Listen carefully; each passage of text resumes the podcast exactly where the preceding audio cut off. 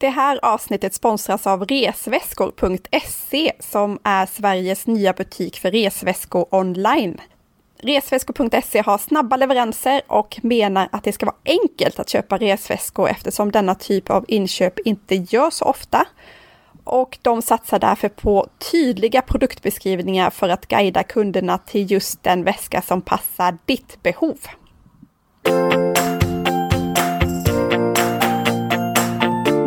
Lyssnar på Att Resa-podden som är en svensk podcast om resor och eh, vi har hållit på nu sedan december 2015. Och vi, det är alltså jag, Annika Myhre, som har en reseblogg som heter resfredag.se. Och så är det Lisa Falåker som har en eh, reseblogg som heter livet från den ljusa sidan.se. Och vi har märkt Lisa, nu när vi kollar tillbaka så ser vi att de ledorden som vi har i podden som ständigt kommer tillbaka, det är inspiration, information och destination. Inspiration, vi vill ju själva och tillsammans med de gästerna som kommer till oss inspirera er att resa, upptäcka och eh, uppleva världen. Ja, verkligen. Och framförallt då som du säger, uppleva. Att gå ut och njuta av världen som ligger framför oss. Alltså allting som går att uppleva. Inte bara åka och lägga sig på en solstol, även om det kan vara härligt också. Men att resa för att uppleva och få fantastiska upplevelser runt om i världen. Både nära och långt borta. Och information gör vi ju hela tiden. Informera er om hur ni tar er ut och på vilket sätt som är smidigast och kanske specifika restips och packningstips och sådär. Och sen har vi då destination och det är när vi faktiskt djupdyker i ett specifikt resmål som vi kommer att göra idag till exempel. Precis. Men innan vi dyker ner i Palma på Mallorca som vi ska prata mer om idag så tänkte jag höra om dig Lisa. Hur har veckan varit och vad har du gjort och vad kommer du göra? Åh, det är alltså när vi spelar in det här så är vi i slutet av mars och jag vet inte, nu känns det som att våren börjar komma. Alltså, det har varit en så otroligt lång vinter. Jag började med skidåkning i början på december och var så himla pepp på vinter generellt. Men eh, i Stockholm behöver den inte vara så lång. Den får gärna vara det på andra delar, alltså i andra delar av Sverige. Jag åker gärna åker skidor i Dalarna, i Åre och så vidare. Där älskar jag den här vårvintern som är som en specifik egen årstid nästan. Men här i Stockholm har den varit lite för lång och jag känner lite grann att ah, det har varit mycket vardag, mycket tuffa på liksom. Så jag ser fram emot lite ljusare tider bara allmänt. Så att, nej, men det har inte varit så mycket resor på länge och eh, mycket fokus på skidåkning och jag kommer fortsätta med det ett tag till. Faktiskt ända in i maj. Men sen så hoppas jag att det tuffar på med lite andra destinationer. Jag är sugen på någon weekend men har inte riktigt bokat någonting ännu här för våren. Så mm, däremot bokat höstlovet längre bort, Karibien. Ja, lite reseplanering har det blivit i alla fall. Ja, det är väl det du har sysslat med på kvällarna och eh, googlat och letat information och frågat runt. Och ni valde till slut? Guadeloupe, som är eh, en ö i Karibien som tillhör Frankrike faktiskt. Så att man flyger inrikes från eh, från Paris, från Orly, deras andra lite mindre flygplats. Eh, så vi tar oss dit med Norwegian och sen flyger vi vidare och då är det åtta timmar direktflyg ungefär från, från Paris. Så ganska lättillgängligt. Och eh, jag förväntar mig eh, väldigt vackra stränder, att det finns en del att göra, fin natur och lite så här karibisk känsla och ganska enkelt men med en fransk touch. Jag tror att det är Ja, jag tror att det kan bli en höjdare. Jag har hört väldigt mycket gott om det. Men det är inte så många svenskar, vad jag förstår, som har varit där, utan det är mycket fransk turism. Och eh, jag la ut en fråga bland annat i en Facebookgrupp som har så 30 000 eh, medlemmar och ville ha då boendetips. Jag har haft lite svårt att hitta hotell eh, och jag fick inte ett enda svar, vilket är helt sjukt. Det är typ ingen som har varit där. Ja, men då får du gå och bana mark för oss andra och sen får du tipsa vidare. Så får det bli. Ja, men exakt. Ja. Själv då?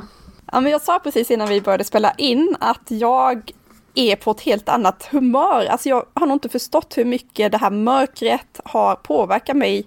Det är klart att man förstår det för att vi bor i det här landet, men det här året har det varit så extra tydligt att de dagarna när det är sol och idag så skiner solen här ute i Nynäshamn och snön smälter bort och jag vill direkt klä på mig löparskorna och bara gå ut och springa, vilket jag har gjort nu på morgonen och eh, känner nu att det kommer tillbaka lite grann. Livslusten och eh, energin och det är väl så vi fungerar i det här landet. Vi kastar av oss kläderna och går ut och bara liksom suger åt oss ljuset som, som vi inte har sett på så länge. Det är, jag tycker att det är jätte, jättehärligt och med det så får jag också mer energi till allt. Det blir lättare att jobba och vara med familjen och allt. Mm. Ja. Jag tror att det är därför vi tycker så mycket om weekendresor också, för att även om vi nu har april då när det här sänds, så kommer det inte, det är inte så varmt i Sverige. Och nu börjar man ju få för känslan för det, liksom försmaken på att det ska bli värme och det ska bli sommar och sådär. Så att jag tror att det är därför som just weekendresor, det boomar ju på våren. Det är mer på våren än på hösten. På hösten börjar man ändå bli lite sugen kanske på att krypa in och ta det lite lugnt och, och sådär. Men på våren då är det weekendresor vi vill åka på. Vi vill få en vi får väl få ett extra värme jämfört med vad vi får hemma där det faktiskt kan dröja ganska många månader till. Och eh, destinationen som vi ska prata om idag är Palma. Och det är precis en sån destination som eh, verkligen eh, kommer till sin rätt som weekenddestination. Man kan även såklart resa längre men Palma har verkligen blivit en uppstickare vad gäller de här långhelgerna. Och för de som inte har superkoll ens på var Palma ligger och vad det är för någonting så Palma är en stad som ligger på ön Mallorca som tillhör Spanien. Och den här ön ligger ute i Medelhavet, öster om Spanien och norr om Algeriet kan ni tänka er. Och det är inte en stor ö, den är inte mycket större än Gotland. Och Palma som vi ska djupdyka i idag, den ligger på öns västra sida, en liten bukt som går in. Och om man inte känner till Palma så kanske man ändå känner till Magaluf, den berömda sången som vi alla känner till, eh, som ligger bara en liten bit utanför Palma. Har du varit där på Magaluf alltså? Nej, det har jag inte varit, inte än i alla fall.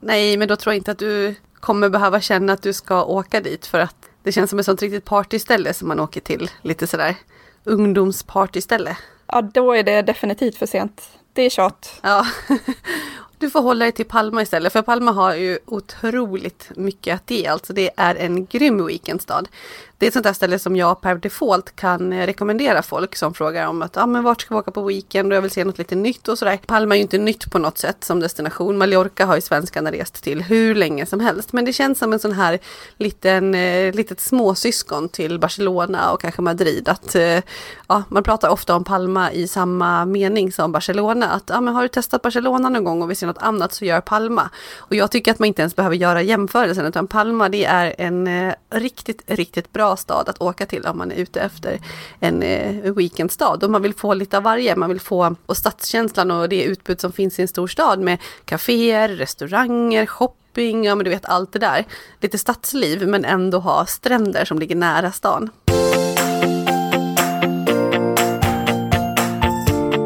Palma brukar kallas för världens minsta storstad.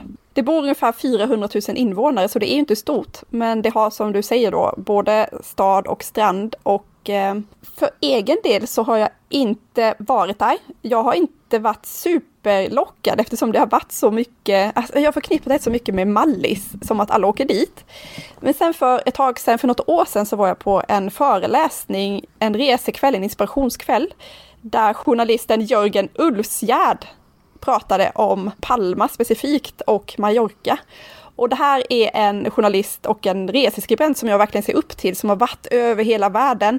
Och han pratar just om sin kärlek till varför han ständigt, ständigt återkommer till ön och specifikt till Palma. Och eh, det inspirerade mig att förstå att ja, men, om han av alla personer återkommer hela tiden, då förstår jag att det måste vara något speciellt med det här stället. Ja, och det skulle jag verkligen säga att det är. Och dessutom just det här med att det är mycket mindre som du säger.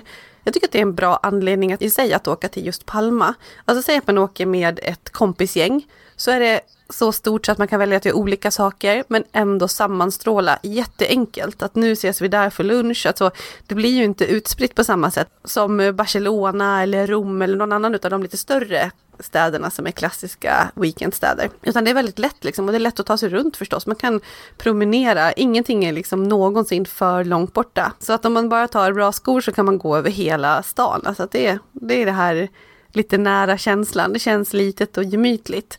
Men ändå så har det samtidigt enormt utbud. du har den bästa sortens mat. Det finns jättemånga krögare som etablerar sig i Palma just. Och eh, det finns en massa håsade restauranger såväl som en massa enklare ställen som bara levererar riktigt bra kvalitet. Eh, du har jättemycket barer och eh, ett väldigt stort nattliv. Alltså åker du som kompisgäng och faktiskt vill gå ut också, då är det en jättebra destination för det. Och samma sak där, att du aldrig har särskilt långt ifrån en bar till utestället eller vice versa om du tröttnar på ett ställe och vill ta dig vidare till ett annat. Utan det ligger ganska nära. Eh, och samtidigt bra shopping, det finns alla, alla de stora märkena, kedjorna, men också små butiker och eh, lokalproducerade varor. Ja, du kan eh, verkligen blanda och ge. Ta en eh, halv dag på stranden och en halv dag i stan, liksom. Inga problem. Men du var där tillsammans med ett stort tjejgäng, så ni åkte på tjejweekend, förstår jag det som? Exakt. Eh, för några år sedan så åkte vi dit som destination och vi har åkt med tjejkompisarna till massa ställen. Alltså Nice, vi har varit i eh, Barcelona, vi har varit i, ja men vi har varit runt typ många ställen, nu kommer jag inte ens ihåg, men vi åker ju varannat år ungefär på, på resa med just det här gänget och vi var väldigt många, vi var typ 15 stycken. Och jag tycker nog att Palma har varit ett av de absolut bästa ställena utan de vi har varit i. Men skulle du åka dit med familjen eller skulle du åka dit med Henke? Vem passar det? För jag förstår att det är ju, det är ju stor spridning på vem som åker dit. Men hur skulle du göra personligen? Men alltså familj passar det ju jättebra till eftersom det är en storstad som ändå är lite mindre och att du lätt kan ta dig utanför och göra andra saker än att vara inne i stan. Och det känns lugnare och lite tryggare och skönare känsla liksom så än en storstad som kanske inte alltid är så jättebarnvänligt. Så det är absolut att jag skulle åka dit som familj men kanske kombinera med någonting annat eh, och utflykter och att bo någon annanstans. Eh, åka dit som par, självklart. Det här är en superhärlig stad där man går och strosar och eh, njuter av staden men också bara kan åka och sola och bada. Men eh, utan tvekan definitivt en jättebra stad för att åka med kompisar. Jag tänker spontant att eh, min man som inte gillar städer så jättemycket, han vill mer ha natur, att det skulle vara ganska bra att kombinera som du säger. Att jag åker dit, jag får mitt stadsliv en dag eller två och sen åker vi, hyr vi bil och åker runt för det ska vara väldigt vacker natur runt om. Ja men precis, det känns lite som att Mallorca kanske har haft en lite Nick provokativ bild genom att man faktiskt har pratat mycket om Magaluf och det är Alcudia som är en sån här gammal charterort som har funnits hur länge som helst. För övrigt en av de första ställena som jag var till med familjen när jag var barn. Där det är mycket charterhotell och så. Det finns ju charterresor till många olika ställen på Mallorca. Men om man bara tänker på det i det avseendet att ja, men partystaden Magaluf och de här stora charterdestinationerna, då missar man ju jättemycket av det som Mallorca har. För Mallorca som ö har så otroligt mycket att erbjuda. Så att precis som du säger, att hyra en bil, det är ju ett klockrent sätt att se mer än bara Palma, även om det är Palma vi ska fokusera på nu. Men man kan ändå nämna det att avstånden är så himla små så att man kan i princip göra en dagsutflykt vart som helst, oavsett var man utgår ifrån och se jättemycket. Så att eh, man kan ju förlänga den här weekenden och göra mer. Eh, en annan klassiker, förutom att hyra bil och åka runt och titta, det är att ta ett tåg till Soyer. eh, som stavas S-O-L-L-E-R. Och pratar man spanska så vet man att man uttalar det med J, men ja, så Soller eller Sojer. Och det är ett gammalt anrikt tåg som går över förbi bergen och jätte, jättevackert. Och ja, det är lite turistigt men samtidigt väldigt, väldigt charmigt. Och Sojer är en jättemysig by som ligger i en dal omgiven av berg och det är apelsinodlingar och ja men du vet, totalt jättecharmigt. Och sen jag som golfar, jag är golfspelare. Eh, det finns superfina banor, jag har faktiskt inte testat det, men det finns över 20 stycken läste jag och några som är såna här riktiga klassbanor. Eh, jag läste också lite grann om ridning, att det finns allt från så här korta rutter till att åka på flera dagars eh, långa ritter uppe i bergen. Och så vandring förstås, jättemycket olika vandringsleder och rena klätterleder, för det är mycket berg också. Eh, man kan till exempel komma till ställen som man inte kan nå till med bil överhuvudtaget. Så här vackra platser i bergen och vid havet och så. Så att åka dit på vandringsresor är också populärt. Så att nej men Mallorca, det finns eh, hur mycket som helst verkligen. Just vandringen har jag läst mycket om i flera tidningar på senaste tiden. Det är som att hela vandringskulturen har fått en, ett jätteuppsving och eh, man vill åka ut och vandra på resorna. Exakt. Och jag, jag skulle nog säga att jag kategoriserar mig till det också. Jag skulle kanske inte jag ska inte säga att jag inte skulle göra en sån här pilgrimsvandring. Det skulle jag tycka att var superhärligt, men jag ser ju inte att jag har möjlighet att ta den tiden från familjen och så vidare. Men att åka och göra korta vandringar och ändå komma tillbaka till den här staden sen och käka god mat och dricka gott vin och ja, men du vet att ha den här guldkanten. Det är det jag vill. När jag pratar aktiva resor så handlar det om att göra saker och utforska saker och uppleva saker och ställen. Men att sen landa och ha det lite bekväma runt omkring. Så på det viset är ju Mallorca ett toppenställe där man faktiskt inte behöver vara en extrem vandrare eller göra bara det utan att man kan kombinera.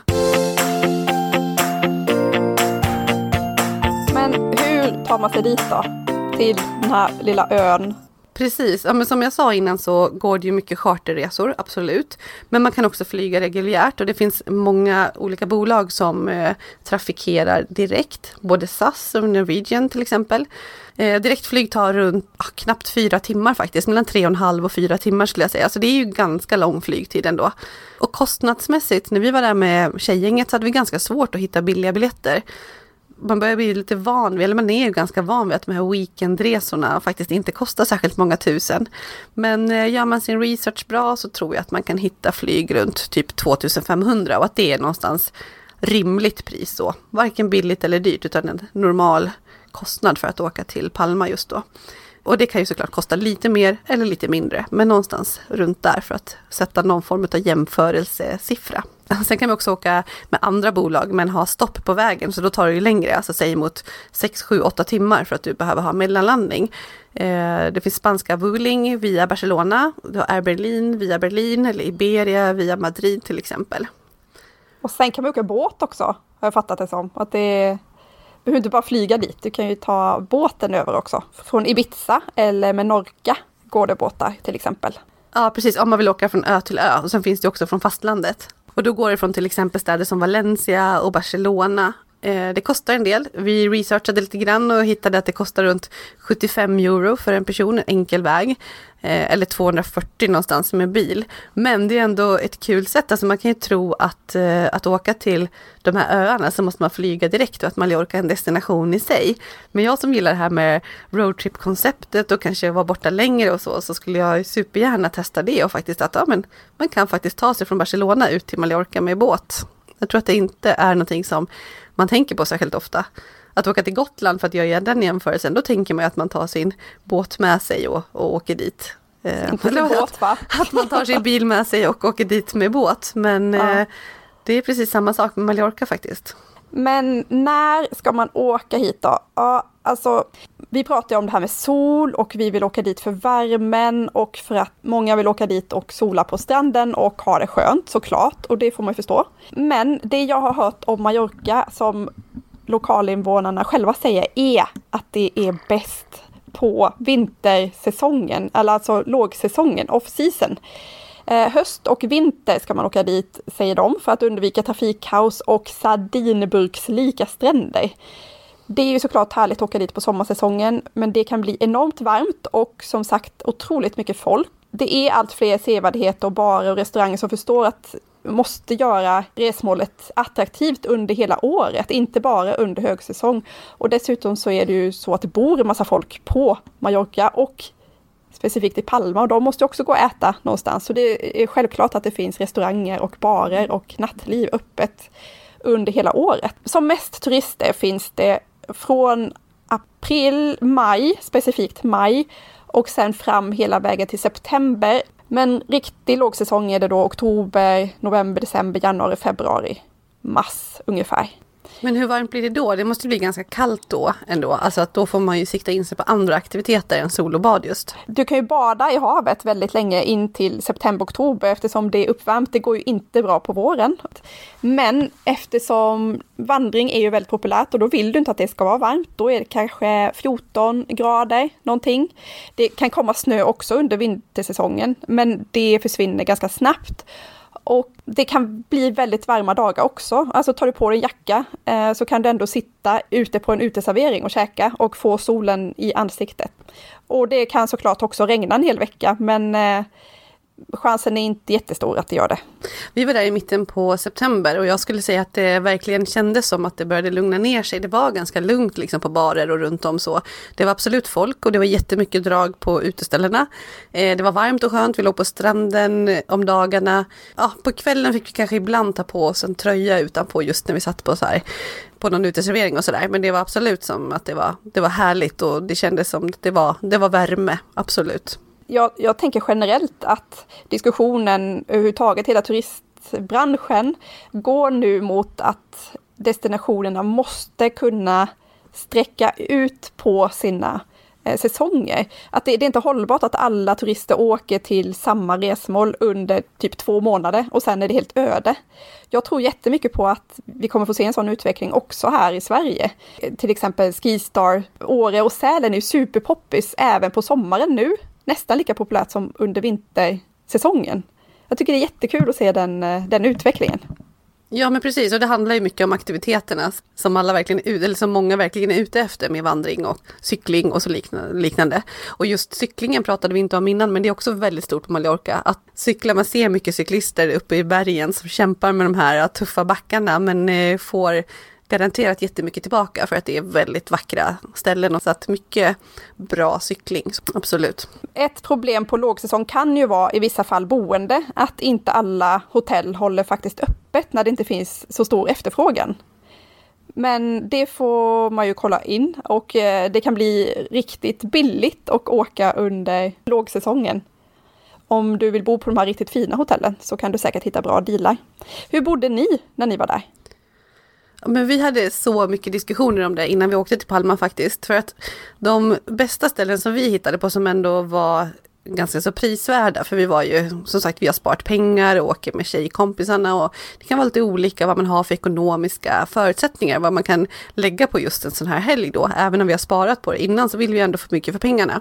Och vi tyckte att vi hittade bäst hotell en liten bit utanför, att det var där det fanns med stora härliga pooler, kanske nära stranden och så vidare. Att då behövde man komma några kilometer utanför Palma då. Så det var vi väldigt nära att boka och hade också fått mycket tips om sådana ställen. Men sen till slut så valde vi ett centralt hotell, för någonstans var det så att vi visste att vi skulle käka middagar, gå på barer och hänga ute och, och sent. Eh, men samtidigt inte alla, utan det slutar alltid med att några går hem lite tidigare och vissa är kvar tills, eh, du vet, tills solen går upp i princip. Så det slutade med att vi valde att bo centralt och då blev det en liten pool. Jag har för mig att vi hade en liten tak eh, pool. Så vi ville ha någonstans att svalka oss på eftermiddagarna och sådär. Men att det var nära som var, som var viktigt för oss för att man skulle kunna ta sig hem med taxi eller så på natten eller kanske promenera om man är några stycken tillsammans. Så att det skulle vara, ja, att det skulle vara lättare så helt enkelt. Men annars är det en bit utanför och jag vet att vi tittade också lite grann på att hyra lägenheter eller hus och det fanns jättemycket fina hus, en liten bit upp i bergen där man har, du vet, någon så här schysst pool med jättefin utsikt och allt det här. Men vi ville inte vara bundna till bil så att det gick bort för oss. Men men det är faktiskt ett tips. Det finns ju också jättemycket svenskar som har ställen nere i Palma och Sojer också för den delen och runt om. Så att eh, det finns mycket att hyra både på de här stora sajterna såväl som på Blocket och liknande.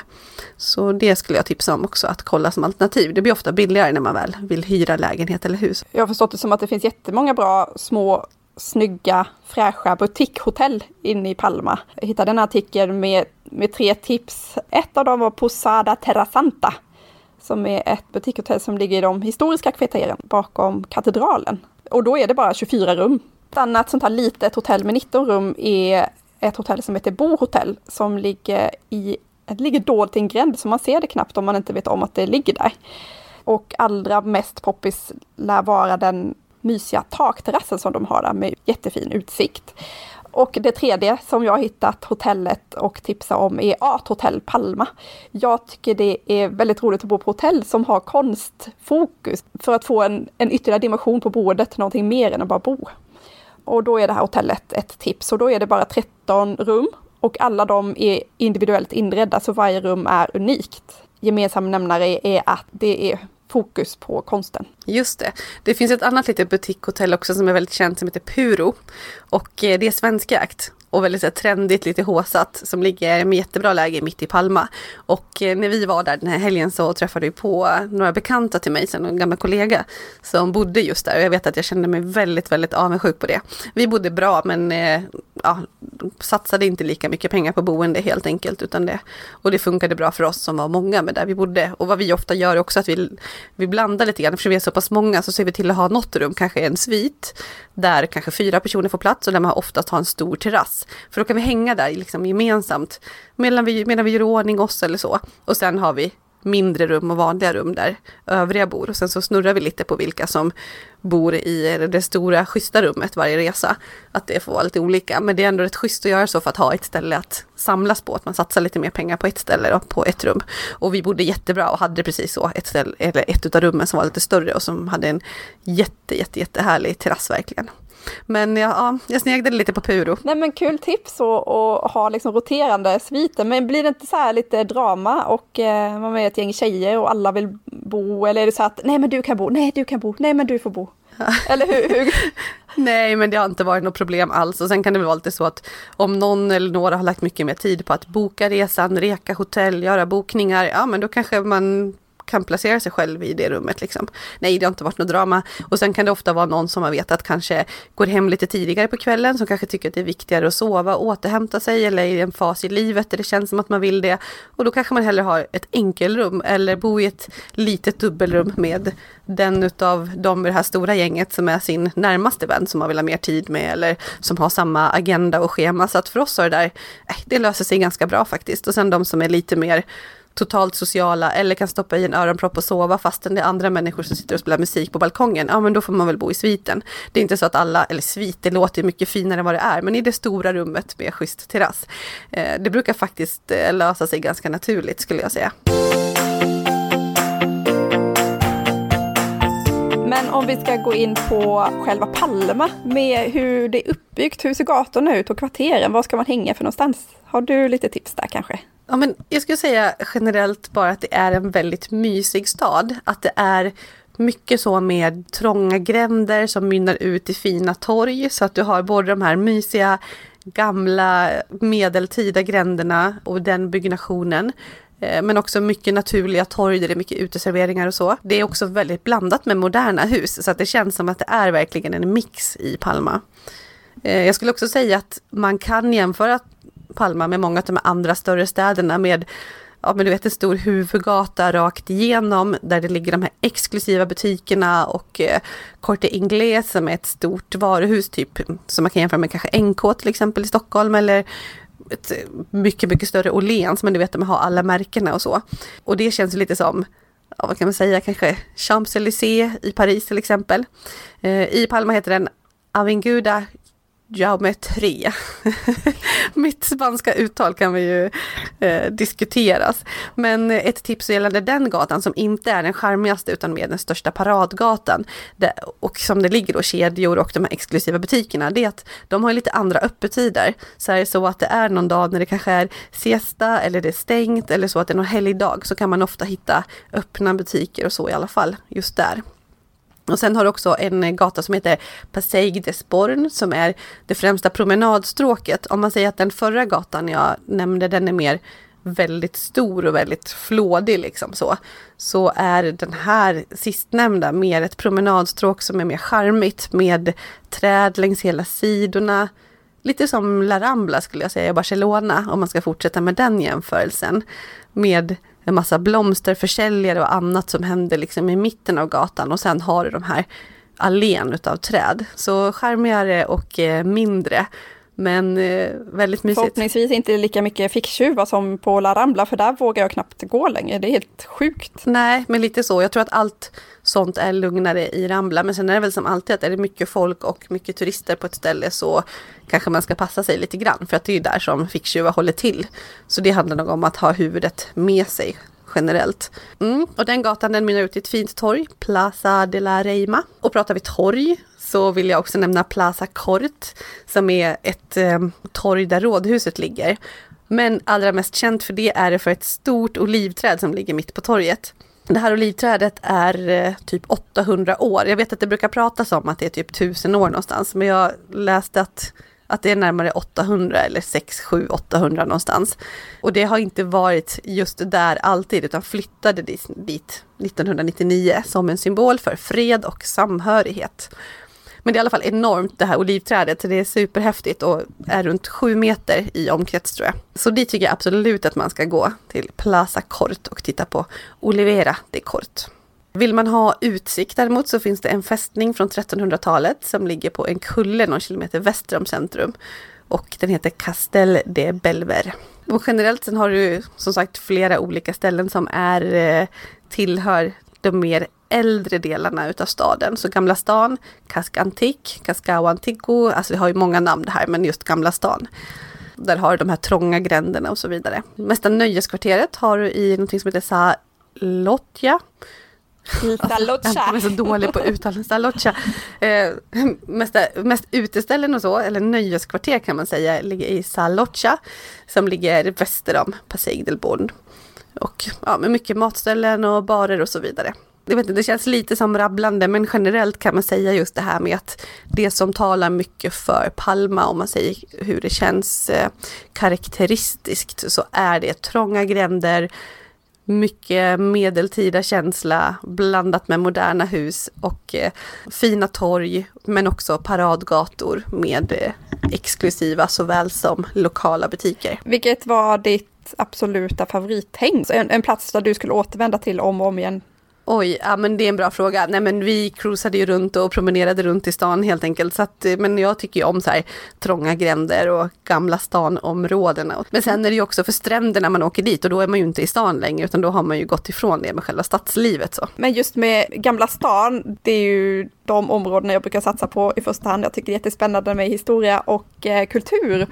Och, och det har jag förstått av Palma eller Mallorca överhuvudtaget att det finns massa lämningar kvar. Så det har varit greker, kartager, romare och araber och fenicier. Alla möjliga har varit här och satt sin personliga prägel på staden och på ön. Ett ställe som återkommer när man läser om var man ska gå sådär för, för historien så är, är det de arabiska baden. Men inte specifikt badet som är extra spännande här, utan det är den lilla trädgården. En liten oas som ligger precis utanför som är, ska vara väldigt mysig att sitta i. Massa blommor och kryddor. Eh, sen är det väl också katedralen som är väldigt känd, som är en av Europas finaste gotiska byggnadsverk. Ja men den är rätt fascinerande, alltså den är otroligt vacker framför allt och sen blir den liksom som ett eh, landmärke i Palma. Man ser den från väldigt många olika delar utav stan och för min del blev jag ganska mycket att utgå från det, att ja men på den sidan om katedralen, eller vänta vart är vi nu någonstans? Att man nästan använder den för att för, förhålla sig till den för att veta vart man befinner sig någonstans. Men så fasaden då, den är massa små figurer på, väldigt fascinerande, jätte, jättefina. Insidan är ännu coolare. Det är mycket konstverk, det är du vet det här äh, häftiga katedralkänslan med väldigt högt i tak och så. Så att det ska man absolut, om man är intresserad, betala in sig och gå på en liten sväng in i katedralen. Det är inte särskilt dyrt. Men vi vandrade runt jättemycket och stadsmuren, alltså det fanns en stadsmur runt Palmas hela medeltida stadskärna kan man säga. Och den är bevarad på sina ställen. Egentligen så revs den runt ja, tidigt 1900-tal för att ge plats för att Palma skulle kunna växa. Men på vissa ställen finns den kvar lite grann och eh, vi gick bland annat på den del som låg ner mot havet kan man säga nedanför katedralen. Och det var ett jättefint promenadområde och en stor park där nedanför och så. Många åker väl till Mallis och till Palma för att sola och bada. Så är det ju, det kommer vi ju inte ifrån hur mycket kultur och trånga gränder och smala gränder det ens finns. Exakt, kulturen som du förespråkar. jag tycker alltid det är så roligt för att jag är så himla dålig på det själv. Jag tycker om eh, monument, känsla i stad, jag gillar arkitektur på hus och så vidare. Men just när det kommer till konst och så vidare då är jag eh, lite lost. Eh, men det finns mycket sånt också. Men ja, stränderna, det är klart att det är stränderna som drar oerhört mycket i Palma. Den största är Playa de Palma Eh, det är en milslång sandstrand. Den ligger närmast staden, det är ofta den man syftar till när man pratar om Palmas fantastiska strand då. Och där längs den stranden så ligger det charterhotell längs hela stranden. Eh, men det är ändå en väldigt, väldigt fin strand. Men ligger den stranden liksom kan du gå till den stranden från um, stadskärnan? Det ligger en liten bit mm. söder om kan man säga. Så att det är klart man kan gå dit. Men det ligger inte direkt anslutning utan inne i stan så är det mer hamnen och så. Det finns gott om taxibilar, man kan åka taxi. Det beror lite på vart på, på stranden man vill någonstans och så. För den är ju den är lång, den är, den är i alla fall 5-6 kilometer så. så att, eh, och ligger en liten bit ifrån, ifrån Palma. Jag vågar faktiskt inte säga exakt hur lång. Jag vet att vi åkte taxi men jag kan inte heller garantera vart på stranden vi hade siktat in oss på. Men sen finns det också en massa andra stränder och vad vi gjorde var att vi åkte mer till de mm. mindre ställena. Eh, alltså en annan stor som är Playa Mayor som ligger väster om eh, Palma. Men vi åkte också till små som var mer som små vikar en bit ifrån Palma och det var för att vi hade läst om trevliga beachclubs. Eh, så vissa av dem var privata stränder som man fick betala in sig på för att få en liten solstol och sådär. Man fick också schysst service och lite lyxig känsla och väldigt lugn strand där det inte var en massa, massa, massa rader utav solstolar utan lite mer lugnare, charmig liten vik. Så det finns många sådana och det, det är ett tips som jag har att faktiskt kolla lite på de här andra. Playa Ietas, en annan sån, väldigt fin strand med lite så lyxig känsla, lite jetset. Eh, den är konstruerad, man har kört ut sand dit, men det, det, märker man ju inte när man är där. Det spelar ingen roll om det är en helt genuin, äkta gammal strand eller inte, utan att det är en liten sån privat som ger en lite mer exklusiv känsla. Ni sprang dit? Ja, men faktiskt så Gjorde jag och en kompis, vi eh, började in i Palma, tog på oss våra löparkläder och så skickade vi våra grejer med några av de andra tjejerna som åkte taxi och sen så tog vi en lång springtur ut till en av de här stränderna så vi hade ja, typ en mil som vi irrade oss runt med, med gatorna och det var en jättehärlig upplevelse i sig för då kom vi mellan, då kom vi igenom en massa småbyar och så på vägen och fick stanna och köpa vatten någonstans eller om vi till och med fick tigga vatten för jag kommer inte ihåg om vi hade med oss några pengar. Jag har för mig att det var lite dramatiskt kring det där med våran vattenbrist. Mm. Ja, så att det gjorde vi. Det är ju så, gå någonstans eller jogga eller så, det är ju jättehärlig turism också och få se lite mer än att bara ta en taxi direkt till en strand. Annan oerhört härlig grej vi gjorde i Palma var att vi gick på en beachclub som heter Puro Beach. Det var min första riktiga upplevelse av en sån här riktigt lyxig beachclub som alltså inte låg på en strand utan egentligen består av en pool med jätteschysst inramning ute på en liten klippudde kan man säga. Så jättefin utsikt där allting är i vitt. Alltså du vet, det är typ vitt golv, det är vita solbäddar med så här tjocka fluffiga vita madrasser. Det är vita gardiner som avskärmar solstolar eller såna här hela stora solsängar nästan som rymmer fler personer. Från de andra, det är vita bord och vita stolar och jättefräsch god mat och alltså det var så snyggt. Och lite dyrt. Det kostar säkert, jag vet inte, 300-400 kronor för en person minst att gå in där. Men då hade vi en hel dag och sen så är det ju lite festlig stämning och eh, vissa dagar så blir det verkligen party, att det drar igång med liksom champagne och hög musik och så vidare efter några timmar. Det gjorde det inte den dagen vi var där, det var en lugnare dag och det var nog också för att det var lite låg säsong. Så det kan man ju kolla upp vad det är för inramning då den dagen man går dit. Men det var, det var så himla värt och eh, vi gjorde en liknande i Marbella faktiskt. Men det var det mycket mer partykänsla, större, lite, ja en helt annan känsla. Puro Beach för oss var bara lyxigt och fint och jätte, jätte, jätte nice. Och jag har rekommenderat det till en del personer. Och jag är alltid lite rädd för rekommendationer. Jag kan berätta stories och liksom mm. berättelser, mm. så här upplevde jag saker. Men att säga så här, åk dit. Det tycker jag är problematiskt, för det beror lite på vad folk vill ha och är ute efter. Puro Beach kanske inte alls passar alla. Men vill man ha en bra beachclub så har jag rekommenderat det och jag har ännu inte stött på någon som har varit besviken. Så att jag kan väl säga så pass i alla fall. Men det låter som lite så här upper class, typ eh, hit åker kungabarnen och sitter och dricker champagne på en vit solbädd. Ja, fast, det måste ja, vara en sån känsla. så exklusivt är det ju inte. Alltså, det är öppet för alla men det är ju mer att ja, men det kostar att gå in där och du kanske ska beställa ett glas champagne och maten var dyr och sådär. Så att absolut att det är lite upper class och så. Men eh, mm. man kan ju blanda och ge och göra det en dag. Vi tyckte det var jätte, jättehärligt. Jag vill gärna veta lite mer om nattlivet, för ni åkte väl dit och eh, var ute, inte bara på dagtid och ja, på beach, men utan exakt. sen fortsatte ni i natten, ja, Mallorca-natten. Ja, men alltså, först och främst finns det ju väldigt mycket bra barer och där går ju trenden åt en massa olika håll så att det är svårt att säga att gå dit eller gå dit för det där ändras ganska snabbt. Och det gäller också bra restauranger för vi hade ju verkligen gjort research och gick på riktigt bra restauranger men jag vågar inte sitta här och säga någonting om det så för att det kan förändras så pass snabbt så det tycker jag också skulle vara lite, lite knepigt. Um, men en bar som är känd det är Abaco en bar som ligger i La Loncha. Det är känt för att det är som en eh, dold bar, att det ligger bakom en massiv trädörr du vet och sen går man in och då är det som ett helt jag ska inte säga kvarter, men det är nästan så att det känns så att man är inne i en stor byggnad och det finns en liten innergård, liksom som ett atriumrum typ. Det är flera våningar, det känns mer som ett gammalt palats. Eh, så här, överdådigt 1800-tal och det är blommor överallt. Alltså det är som att man går in i någon så här Edens lustgård eller någonting, fast på ett ganska tacky sätt. Ja. Det är frukt, Oj. det är blommor, det är så här fågelburar, fontäner. Och innan så hade vi läst och hört att det här får man inte missa och det är bästa drinkarna i Palma och sådär. Eh, så vi gick dit och testade det här. Men Alltså jag vet inte. Man kan gå dit och titta för att det är fascinerande så, men vi var besvikna. Alltså vi tyckte drinkarna var svindyra. Vi tyckte inte de var goda. Det händer sällan att jag liksom bara, nej det här går inte ens att dricka. Men det var nästan så. Eh, bartendersna där vi stod, de var otrevliga. Mm. Alltså det kanske inte är så allmänt, men för oss var det så och det kändes väldigt, väldigt turistigt. Så att jag skulle säga så här, nej, har man hört talas om det här och att man måste gå dit så, mm, jag vet inte. Det finns många barer, säger jag, som är mycket, mycket trevligare. Men det är ändå värt att nämna för att den är så speciell. Och sen ja, det finns jättemycket schyssta barer allmänt och så. Ut i livet då, ja men det är mycket folk. Det är öppet sent eller tidigt på morgonen. Det är jättebra musik. Det är DJs som öser sjukt bra. Det är så stora ställen, du vet 3000 kvadratmeter galet dansparty typ. Pasha är en sån känd. Det är en kedja som startade på Ibiza men eh, som finns där också.